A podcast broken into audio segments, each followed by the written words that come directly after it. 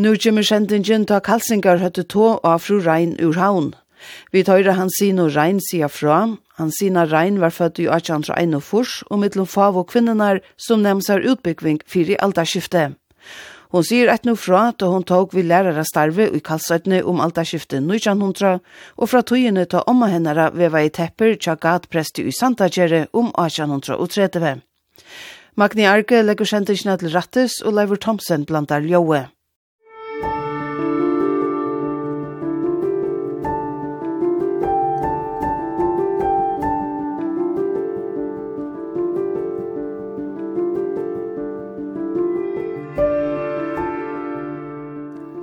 Hansina Rein var ein av favum kvinnun i fyrjun som får a skola a nema seg utbyggving fyri aldarskiftet 1900.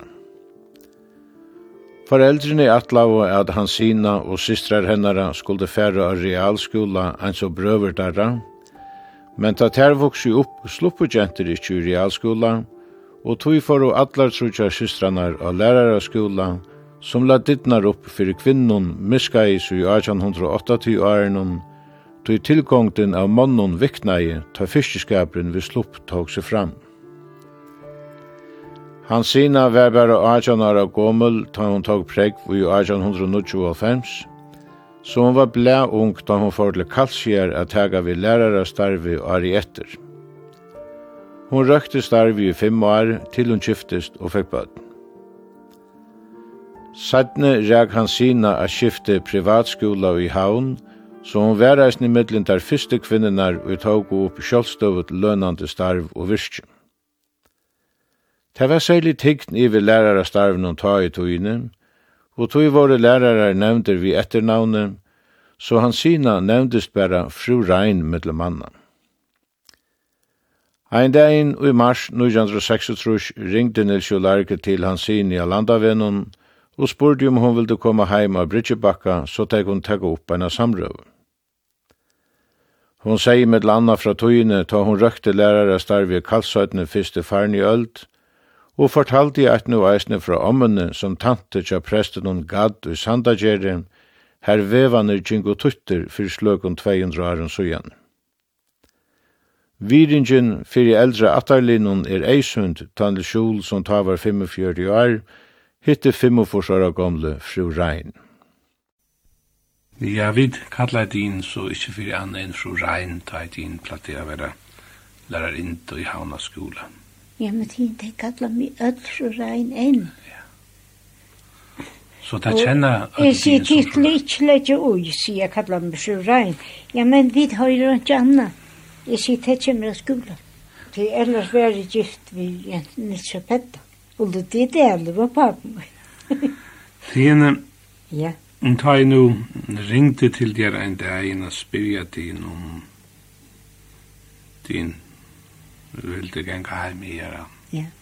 prata sinter. Ja. Så vilde jeg sjålande være nega væren til nå er din ikke heilt ung langer din her var da fyllt 45 år. Ja, det er vi. Og hilde din, det er gjør du ikke din, Nu stod de nakka de vask i så. Ja. Da må det standa tålige vel til. Mm. Og så tar jeg spyrir din om jeg skal komme ut etter din gjennom en bil i för din heim. Nei, til... Det hilde din lyd jo. Vita din kvete køyre, nære køyre, ta ett illvever och at han er kyrk. Så rinner jeg alt etter bilen.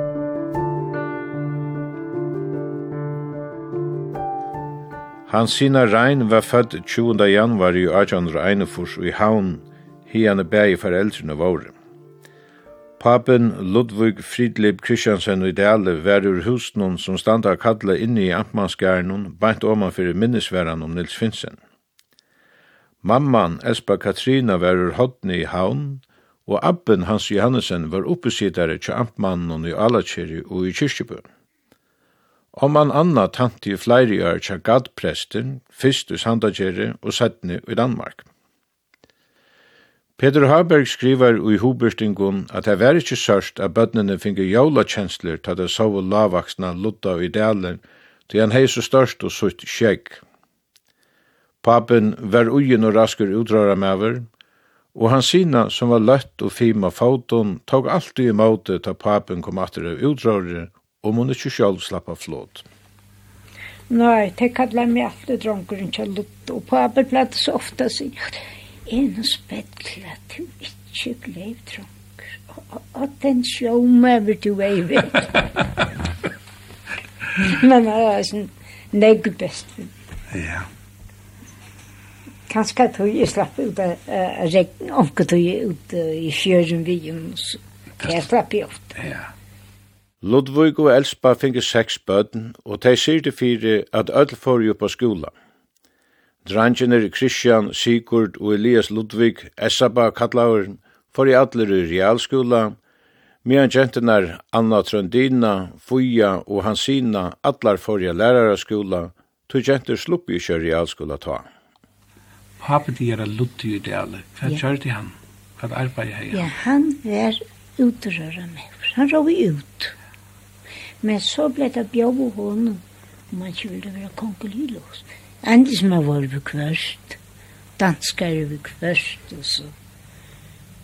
Og ellers var det litt som jeg var. Fiska i dulje, tullje opp. Og trø heier ror med litt eisen som alle. Han har lagt tvei forin, heilar så og det hei han knossa loike iver at torgar av badgen assar. Køsteren var mittlen husen i Kjallotta brekke og Kjallotta det. Og hver var i husen i Kjallotta der til her banddomsar? Ja, her var i vaskje, hver i det vaskje i Kroch, loike oma fyrir Kjallus Kroch. Ja, altså her som tja Kjallotta Kroch i det. Ja, ja, ja. Ja, ja. Men så er det mamma dira. Ja. Hvor sier hun, og hver var hun? Hun var Elspa. Espa Katrine. Hun var mamma, hun var født i havn. Hun var født i havn. I Hotten. Ja. Da var Abbe oppsidder. Tjakkmannen. Uh, Amtmannskjæren, ja. ja. Og jeg forstand det til at Erkjemmene var ikke forbo i Hotten Og tog var abdier og guppa med mamma. Ja. Det er ikke min tid, det kom så ofte sånne der. I vil på. Så, så. Passiere igjen. Ja. Det kjentes atler. Men tin, det var jo Jeg vil jeg sjalsamt tog i togene at um, en forelder, uh, en utråra med over, treer med over, for å sende ødel sine seks bøtene lærer. Ja, ja, det var. Men det var ikke nek, vi gikk ikke i realskolen. Det var det ikke. Og det var lyde for jenter og kvinner to i togene. Ja. Utan altså til at jeg kunne fære lære til lærerind. Ja, det var jo ikke så. Og slupp ikke inn i realskolen? Nei. Det er første nemgar som får realskolen Det var Elisabeth Tjallong.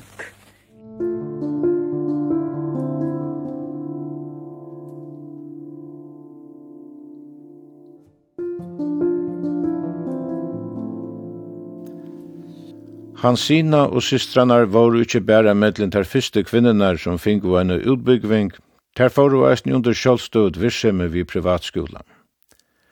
Eldsta systeren Anna Trondina var født i 1804 og tok pregg av lærarskolan i 1803. Hon røkte fyrst imisk lærarstørv eit nu i kone mitt i 1805 og får så under privatskola i 1908 ved Grønlandsvegin. Nøkker år sættne, i 1916 flott Anna og mævren Palle til Norriks, og ta tok han sine iver og helt fram vid privatskolan hon heima tja sær. Milingasystren, Anna Sofia, etla Fuja, kom a sida som antja vid Trimon Bøtnon og Nujandro Arjan, ta mevrennara Jens Martin Mohr av Sante døye rattli ungur. Han var eisen lærare. Han sina lad som fralai systrena Fuja tagi iver, og og hon bosette seg eisen ute ved landavegin, her og i skolan heima hos her. Og så leis starta i privatskolen til Anne, fru Johansen og 1908, som lad han fra seg til hans sine, fru Rein, ta hon flotte til Norriks i 1916, og skolen enda i tja trije systrene Foye, fru Mår og 1922, som ræk privatskolan fram til 1934. Men hin, hvordan mange sysken var det tid, Charlotte og Ideale? Vi tar seks. Tre av kvarnslige. Ja. Og tre er i middelen kvarpa. Og um, en siste det er, det var frumhår som vi kallar henne. Ja, Anna ja, Sofia. ja. Og hon var lærinda ja. som tiden. Ja. Og hins systeren, hva var hon? Hun hadde Anna. Anna Trondine. Ja. Ja, og hver er Anna hendan siste dira? Hon er i Bergen, og hon te hava et heim vidda din, trittjarir. Det hava, og, og hava så en lilla leilighet for seg sjálf. Nå, det var så hon som var gift vid Palatrik. Ja. Ja, ja. Og hon hevur det gott her i veren. Ja, hon hevur det gott. Og hvordan gomlig er hon? Tid skulle se brøvene skriva. Ja, ja, ja. Hon vill häva med att komma ner nu. Hon säger var det Så färgen. Och så färste hon iver till Stavanker. Så färde vi vapen fra Stavanger til Bergen. Og så fyrte hon att ta videre til ferdig, Så fyrte vi flickvara. Så Så skal du fyrir kunne være nere igjen at du i Danmark, så fyrst du virkelig kvar. Hetta Ørnar hun er i Kjars. Ja. Hvordan goml er hon? Hon er ein hoppvems. Ja. Og brøvene, det var så Christian Kjallupta. Christian Kjallupta. Han var elster. Ja. Ja, han, han er veri, han er vært 94, om han er i livet. Og han blev eisende gammal med oss. Ja. Ja, han var ikke alveg, sånn da. Han var ikke alveg. Nei, men herom. Ja.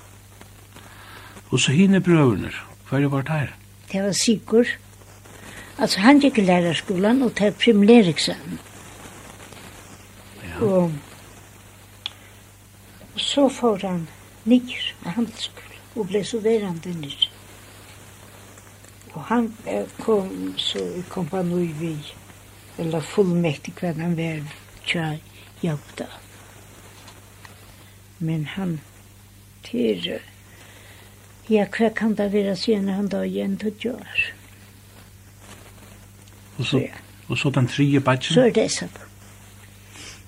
Han var først lærte han til trykkere, og så er han ut i kjekk og vær så sjåmøver en að kosta tog. Enn i fyra år. Tjekk han på skola? Ja. Yeah. Som vi sier Jannikens Pauli og han tar beste vimmen. Og han var en av tvær vedrar og hjelpte henne vid skolan. Hva ble vi av honom, Esaba? Esaba, han får i til Amerika. Og her ble han så videre, han bor til enda bor han i Minneapolis. Ja Og her var han så giftig vi en norskar kone. Og til soner Tarra, han og vi eisen finnes en norska kone, som fegen vi kom og som jeg følger atter. Og en penande, så er han nere.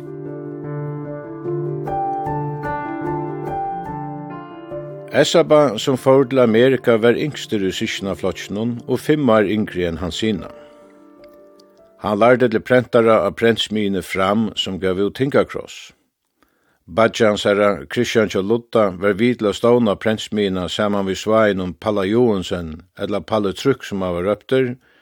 Han var gifter vi systrene Anne Trondine. Esaba hei hod til sjekvenaisne og tok skibara preg ved Jens Pauli Dali nu kjans Han sildi vi føreskun skip og nøgra og ferdig Albert Victor kjøy Jago Dala Gørnun i 1911. Ari etter for han bostra sikla, fyrst vi Amerikabatnun Oscar Ørun, og søgjane vi CF Titgen til Scandinavian American Line. Et skifte var han bæg prentari og råvarsmøver ombord. Hesa bar for i land i Amerika nøkker år sættne og bosettest i Minneapolis, her han tog opp at det starve som prentare, og og hei er snir typisk døyvarui saman vi en tuskara. Og i USA var han skrasetter under navnen hon Louis heldur enn Ludvig. Esa ba døy i 38 år gammal i Minneapolis hin 11. juni i 1904 Han og norska konan Birsti Louise fingu fyra bøden. Lloyd kallaist han eldste, som var fødder i Minneapolis i 1916. Men hissen her Lloyd, han hever navnet i tøvida din, til et lodda. Jo, ja. Vidan til amerikanser. ja, skilje det her, ja. Ja. Tien, um... Men vi skriver han ikke ved middel nok. Det er det. Ja. Men det må være på angelst. Ja, det er det. Ja. Men vi den, vi lærte angelst i lærerskolen. Ja, det er det. Ja og berg alt godt av siden. Og man var som en brødland løvad kvørst. Han var overfør malmøvsen. Han var ikke enske konst. Og hva er ære våre lærere og i lærerskolen til Tinsjenka? Ja, det var Berg, Simsen og Trapper, Tertjer, Trostdal og Peterdal det var sysnabøn. Ja her lærte latuin ute i Sandberger. Og så hei der en latuin bare her. Han hei, der hei, der hei historie og geografi i og. Ja. Og hver heldte lærerskolen tilta? I bokhandel. I bokhandelen, altså bokhandelen nu er ja. i realskolen. Ja. Hvordan landet gikk det til lærerskolen? Trúj bare. Og var det negv som tjinket har tætt i tjinket? Negv som negv var vi. Vi var i åtta, så vidt minst. Og livet er annar etter utan tiden? Ja, Anna Dyrus. Anna Dyrus. Og jeg. Ja. Jeg var 15 år før der. Så var din ung lærer inta? Ja, jeg var 18 år. Men din... Og slutta i tej med tvej. Og tej din var gott och väl tvej först. Tvej först att halt är. Ta hilde din. Ta bäst hand på allt. Ja. Og din har haft en nägg go år som lär inte skilja. Ja, men det var sådan jeg glopp i mitten. Bödden var något tött. Fyra det först Hansina var blæ ung ta han fyrst for til Surier a røkja vikarstarv og sujane nord til Kalsier her hun tjekk mittlen bygdenar og røkte lærarastarv i henne fem år. Det er som om okkur til vi drije systranar ur havn norr etter, Tøy eldsta systren Anna Charlotta røkte lærarastarv og kone er skifte i halvfemsenon, og milingasystren Fuja Tjallotta var av haskolan i Fagrelui under 1908-2, saman vi eit nu Hans Andreas Djurus. Ta voru ærar omstøver a flyta seg mellom Odjar og bygder ta enn i det, greide fru Rein fra vi utvartnum under 1906 og trus. Hvordan gikk stikkene fra plass ta dit nu var liju og genga lærerskola? Tja, mer gikk det godt. Jeg hadde ødel finnje plass som ville heva. Du vet, han, det var ikke nekk vi gikk i lærerskola. Hver var de lærinda fyrst? Ja, jeg var i Famien og Ørafjøkken. Ja. Tvær måneder i hver sted. Ja. Det var så bare et stort skifte fyra ja, og annan. Ja, ja, ja. Det var det. Ja. Men så var jeg jo Kalsson. Ja, Kalsson. I Hoppjavra. Ja. Hadde din så alla bygdene i Kalsson? Ja, ja, ja. Ja. Jeg skal si at det var ikke så godt å genke mittlen mittlet og trødlanis i kæv. Det skal jeg si. Og vi den tamåten kunne faktisk ikke, ja, ja, det gikk nok i voksen. det spaserer ikke voksen, som det gjør nu. Nei. Kjolene skulle være om ørløkken ut. Ellers var det ikke anstendt. Det vet jeg det. Og det er nok så strudja gikk Jo, ta i platt fære middel Middeladal, Trødland, hvis det var kæve, så var tvær matsvimmar. Og ta det to amar, og ein gikk undan og greva i fotaspår, så vi ikke fikk trakk i noen.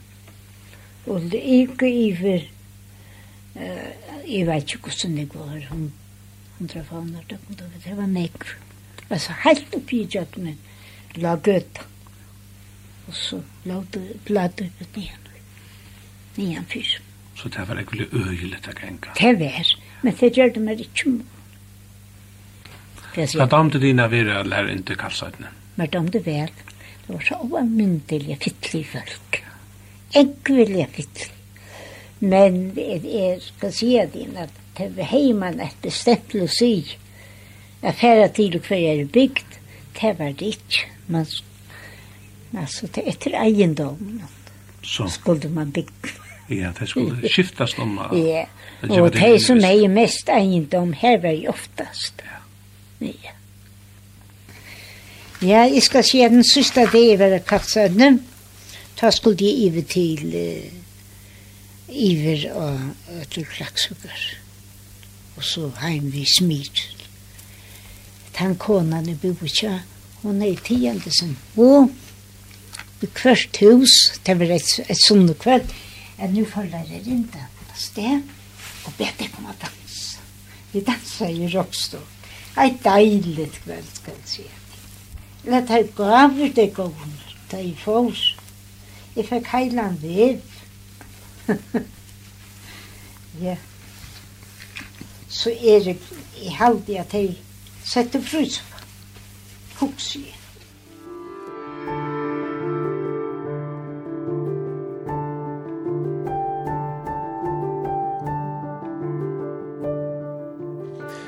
Ta han sina skulde til havnar måtte hun leggja negg fire, tog hun måtte bægi skjutsast vi bate og genga om fjöll. Fyrst får hun av kalsøytene vi bate til Lorvigar her hun gyste, Jack så opp om fjall til Søldafirar, fekk skjuts hian i ut tofter, og så igjen i anna skjuts inna sund, og er noen Jacks seinasta tegnen til havnar det var riktig ferast tog i tøyen i eisen. Gjerne ville man slippe heim til ferie i våre. Smyril var jo eisen. Men så måtte man på baden til Klagsvikar. Etla eisen i vi land, eina for forværi i vi land, men i lova i det får i ikke tjatter. Da var det essa babadje mun ble kom mer konfirmerad, og jeg ville heim til konfirmasjon. Det var i vikene til Postsyr. Då kom han ut och rörde på att jag syrade det eller lägg ett. Så blir bätten färre åman, en smart onker. Och spyrja om de ville komma och föra mig till Lorvika. De visste att det var folk från Ja, Syrad. Ja, Syrad, ja. Jag kände det. Det var gammal. Nu med benen för att skjolta. Tog jag skjolta för att läsa. Och jag naturligtvis kom där med det stod til slupp i skolen, jeg var ikke var en lett hver timer til, og det gjør det det ikke vrøl. Og her var det så kom i skuimengene. Ongan kjente jeg, men jeg kjente en som at jeg var vitalis. Han, hei, han var i Mikladel, han var slektar i Lørvøk. Men ein mever som er Johan i Miklata, men vi har kjent, ble vi har kjent Han bygde flere kyrkjer og så. Og så hei han handel. Så hesen her i kan Gantales hei handelen til honom.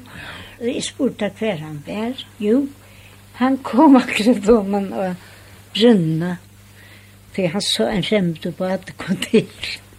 Så sier kunden på meg at Lucia Germa, nu skal vi fære til Atlenik. Og hon var siste til Jakob Kvæt. Olsen. Olsen, akkurat. Jakob Olsen i Fyltastån. Ja, ja. Og det var syster hans her, i vet ikke. Og her var så om natten. Og de var bæg og blod og tog, deilige blodlige folk, og heida godt. Og tog bedre, jeg fikk omkje tog.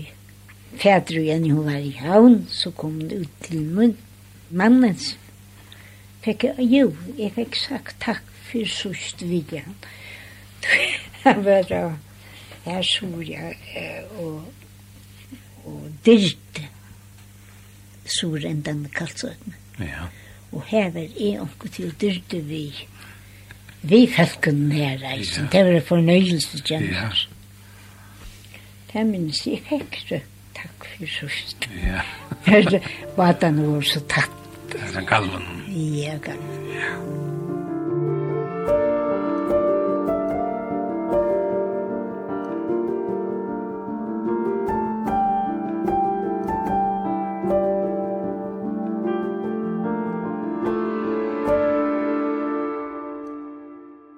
Så det var en strutsen fyra färra i land. Ja, bo en nu. Så nu var det kytsa folk. Du er hei kuffert vimmer det var ikke større, det var sånn koffert, men... Og, og så på Lørensfjall, og til ut til Søldafyr. Jo, så sier jeg der takk for seg, ikke kunne ta komme langt. Skytsloven var sånn, eller jeg vet ikke hvordan jeg kunne komme. Men så er det at det jeg kom inn til, inn i huset til en vatje eller vatje som hos Han var bønt i huset. Ja, han var bønt i Sølvavi, ja. Og han skytt seg så folk, de var jo ødelblod i tog hver kom.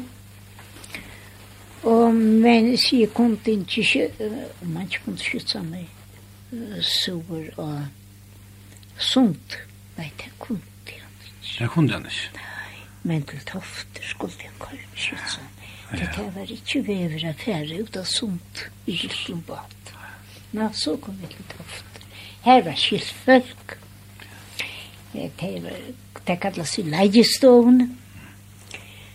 Oi, Jesus, min fremmed av folk, det var sysnabønn vi pappa. Og jeg herfra måtte ikke være kveld. Nei, nei, nei.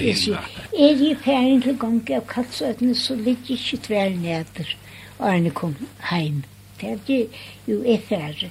Ferdig, hva var det? Ja, til leiestående. Nei, nå minnes jeg ikke at det var navnet John. Og han får så skytsefelg. Men til åtta måneder At Åtta måneder før? Ja. I Rom.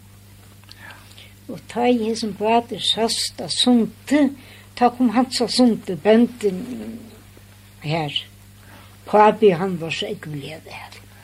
Pabi klagde det kjøp at nekva var seie fra. Og han vattra i til å kun, må genga ikke at det var ikke lent her hver der platt. Og han gikk så fram vid uh, strømpene og stod så stiller hver det kom til lekkje. Ja. Så tar for lykke steg etter. Jesus er det to han sine, sier han, ja, kom nå til hus med meg, øy, så vet du ikke mer enn nåt, eller tjokk. Sier nei, det er ikke, de må lette dem få en skatt. Så lavner vi, nei, det er jo alt sikkene, det er ikke bort. Det er godt, fy, det er tjatt her. Du kan være mørke, nei, sier. Så fer jeg leina. Nei, nei, nei, nå kom du inn og for en trekken. og så til gang. Og så kom hun til det der. Og ta var mist. Thank.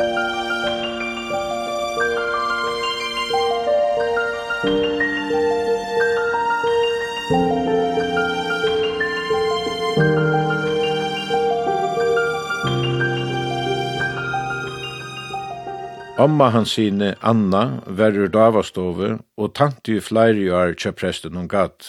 Fyrst i havn og sujan i Danmark. Christian Pramgad var 23 år gammal da han tog vi som søknaprester og Sorstrøyme i 1824 og sette seg nyere prestagern hos Sandagjer. Han giftest samme år ved Marie Elisabeth Olsen, som var døtter sårensskrivaren Laurus Olsen. Bei Pramgat og æreprestar røndi i byltingartøyini i fyrri halvi av 1800-talen a skapa imis nutt virksemi til veksande fjöldina i fyrjun. Og det var luvlet ur prestagærnun og sandageri og ærene Pramgat og konan boi her. Tei utvei av vevar og lærte fleiri ungar arbeidskoner av veva tepper som de seldu av landen. Sættne sette det handverskola og stån heim i haun, her bægi folk av bygd og ur haun lærdu av veva og anna håndversk. Han sina myntist imist som om man anna hei sagt fra om tøyina ta hon tante tja prestatjonen. Hon kom så nek ut i sanda tjer om at hera. Ja, ja, ja. Fortell meg sin om det. Ja, hva kan jeg fortelle? Bo jeg nu. Skal tanke meg om. Hvor var prester i Santa Gjørta? Ja, det var galt. Han var prester i Men hvordan jeg bøtten det er, eller så, det minnes jeg ikke. Men som sagt, at her ble arbeid så ekvelig enn ekvelig prestager. Og det heter flere arbeidskunder. Men det var mest til til uh, å veve. Men selv fylgjellig måtte jeg fatt i husen neisen. Men her var så ein jomfru skrøter, det kallet jeg, og hun var lykka som hei oppsyn i huset. Og, og de konan hei nok bøttene, og sier, men jeg kan ikke si det sikkert.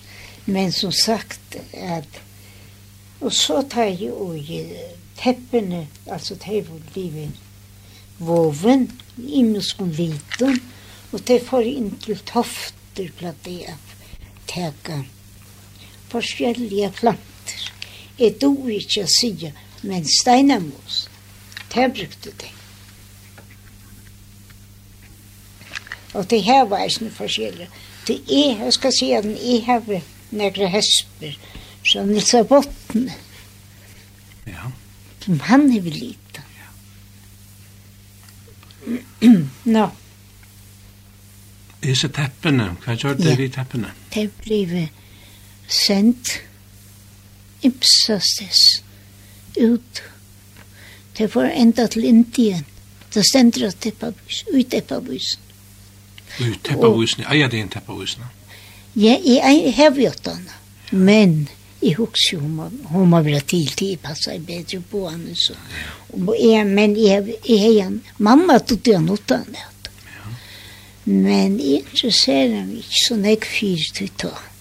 Men så igjen jeg finner fædre igjen ute i fugl. Tei igjen. Så jeg får fædre igjen hvis jeg har mistet han. Men det er nei, hun eier aldri ikke skrive på den. Ja. Og hun er så om med seg her tidligere, ikke at teppen sandagjere. Ja ja. om tilvirkningen av teppet. Ja, ja, ja, og hver det var sendt. Ja. Teppevisan, som han sina sier fra, var ikke så einfalt å finna som er rokna i vi. Men vi gav våre hjelp fra Tauti Odna døtter Fanniana og Dimmaletting fra 1984. Og kjeldan var i velast han sama som han sina vise til, tog til hver bertora matras av kyrkju og fugle som jeg lade dimme finnjana. Og i oppater eldre kjeldun er hon flere fyrir nevnt, og fyrste nujan hundra talen er bæg pramgat og ære prestar oppi og venta vi imisk høvi og i føreskom bløvun og tøyaritun. Helst var det pramgat sjølver som yrste vusna om isse teppene, eins og han eisne æra æravyser. Borster ur isse vusne får vi det innlitt og i hulegi som verus handagerium hesa tøyina, Ta prestafruan edja i ungo arbeidskonnen til a druiva av a veva tepper vid tam og fem vevunon da i høtti i sandagjer. Den samme prestekone man sier at verst år en mengde raske pier hun samlar i sin gård, så setter hun seg midt i den raske pie flokk, og maten lader hun lave med en dolig kokk så setter hun seg midt i den raske pieflokk og vinner garn med denem i kapp og i galopp, og når hun så er ferdig, hun sier, skunnjer, kom, nå vil vi til at renne og legge opp av bom. Og med den fast hun reiser visst vevene frem, og doelige pier, så setter hun på dem, så spåles der, så veves der ved natten som ved dag, og hele huset ruster ved de veldige slag. Så veves der de tepper både gule og blå, grønne, violette, stripete og grå.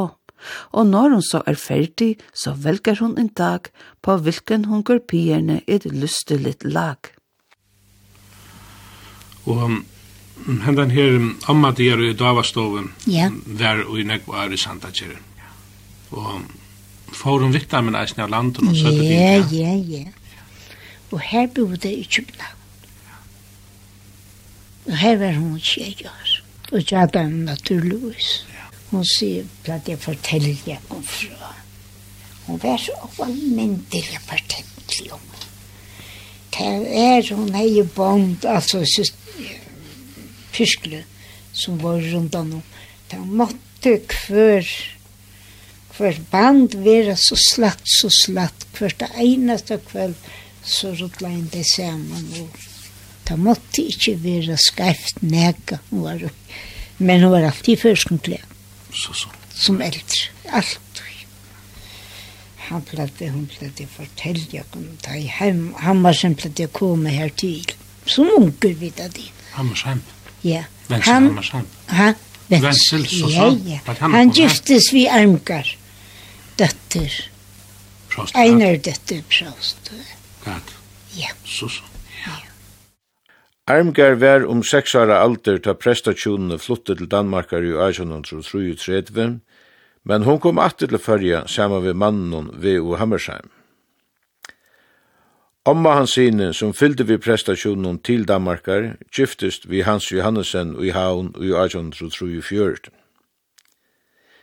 Ivelest høtte prestasjonene voven tepper ur fyrjun vissar til Danmarkar, her fyne frunar tog vel og måttamon sambar vysne kja framgad, som eisne leter stoltleikan om avritsne koma vel fram ur vysne. Teppevysan var som skilst eisne jaunan kvøyen og igjen i hundra år, og såleis livde søvan eisne vel av mannamunne heima i fyrjun. Nu svømmer våres tepper til Danmark stolte land, og vittner at det er noe vi feringer dog kan. De svømmer over havet til borge og paléer, så bredes de i salen til grevliden der, så mangen fornem frue ved tevans bord, om tepperne vil tale berømmelige ord. Så taler første frue den anden spørger at, Hvorfra de tepper kommer, jeg gerne vite gad. De kommer vel fra Engeland, fra Kina eller Wien. De derfra kommer allting, der kalles smukt og fint. Nei, svarer den annen, de kommer fra en ø, som ligger for seg selv i den fele spanske sø.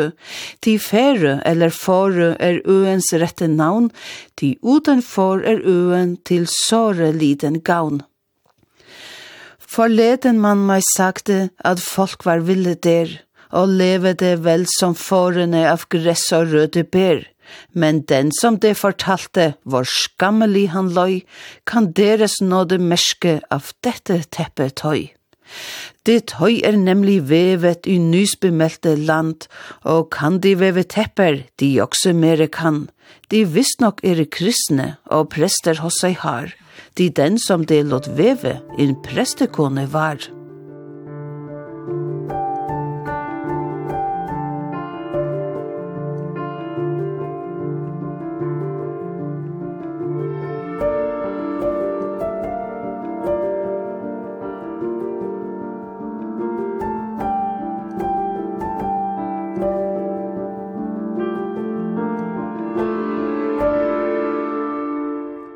Hansina giftist við Nils Rein i 1905 og tei bosettist ute við landavegin i havn. Tei fingi tjei bøtten og stått vær middelen tei fyrste fyra, Elise, Ebbe, Onne og Haugrum, eller Hagge som han eisne var røpter, tei i öll i fyrjum.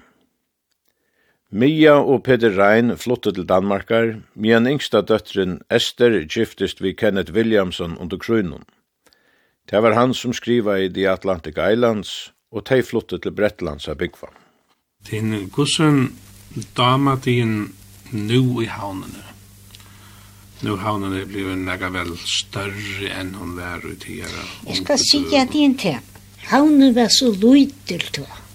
Kanskje hun var kommet til 1200 folk. Da jeg var konfirmeret var det 1100. Og jeg var unge for lærerskolen vidt til.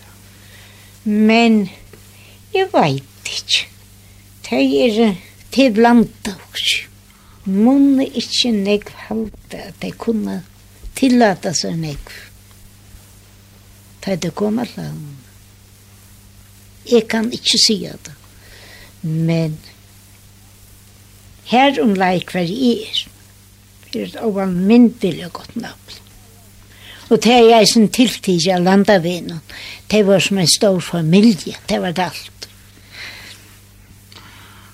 Og som din satt i Johan tiden helt i A, vi er vera lærarinta, at hjelpa til, ta i omkron bast fra, lukka til din våre tvei og furs var et halvt år. Ja. Så tiden har vært ekvelig glad for å få oss til bøtt. Ja, det har vi. Vi har ikke om du var finnsvitte. Det har ikke. Men det slapp seg ikke, det som det vil. Det slapp det ikke? Det slapp det ikke. Nei. De som minnast hans sine vimerskja alt og kvose løtt om vera foton eisni og etlesvaren. Ta sikst at hans Andreas Djurus hei hans sine i hoanon ta han irsti om kærina og sanjnon vi kunnu renna dist.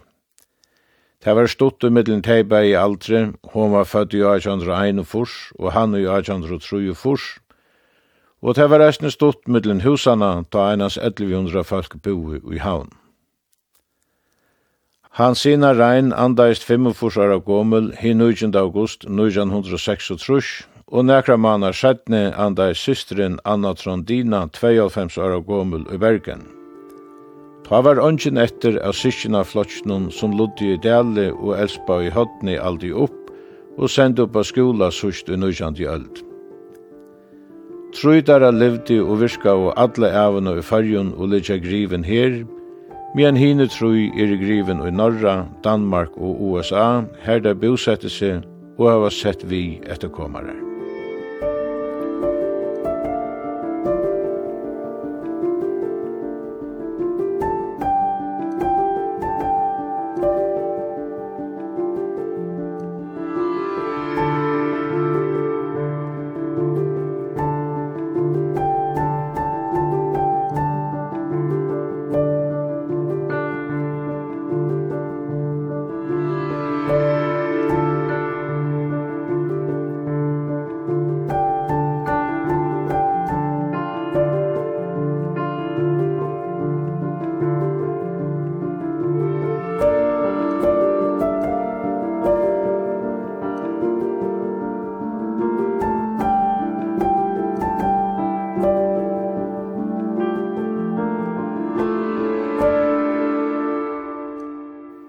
Vi da var hørt sendingen at Kalsingar høtte tå og fru Rein ur havn. Vi tar til hans sin og Rein sida fra. Sendingen bygde av samrøvo som Nils Jul Arke gjør det i mars 1906. Magni Arke leie sendingen til Rattes og Leivor Thomsen blanda i ljøet.